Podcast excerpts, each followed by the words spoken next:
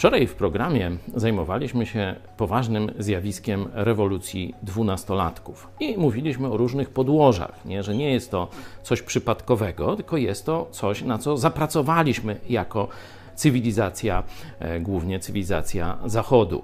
E, I nasi widzowie, tu podjęliśmy polemikę e, z wami, no kto tym steruje? No wiadomo, komuniści taki program ogłosili, ktoś powiedział, że no służby specjalne. Rzeczywiście w latach 70. służby specjalne wschodu i zachodu, czyli komunizmu i powiedzmy świata zachodniego, Ameryki, zachodniej Europy, dogadały się w pewnych zakresach i rzeczywiście one mogą robić bardzo brzydkie rzeczy. Także możemy się zgodzić, że są złe służby specjalne, globalne, które robią czy stoją za tymi złymi rzeczami. Ale ja zadałem pytanie na programie wczorajszym, ale kto kieruje tymi złymi służbami specjalnymi? Zakładam, że są też dobre. Kto kieruje? Kto konkretnie? wskażecie jakiegoś złaka, jakiegoś polityka?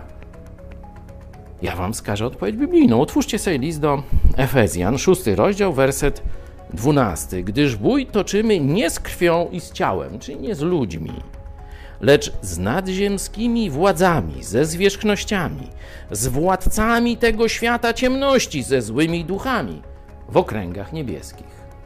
Mamy jasną odpowiedź. Tak, są złe służby specjalne, są spiski globalne jeśli kierują się przeciwko dobru, znaczy, że kieruje nimi piekło. Ale teraz podstawowe pytanie: jak się bronić? Jeśli tylko na poziomie materialnym, to przegramy. Musimy mieć broń duchową. Przeczytaj sobie cały ten fragment z szóstego rozdziału listu do Efezjan.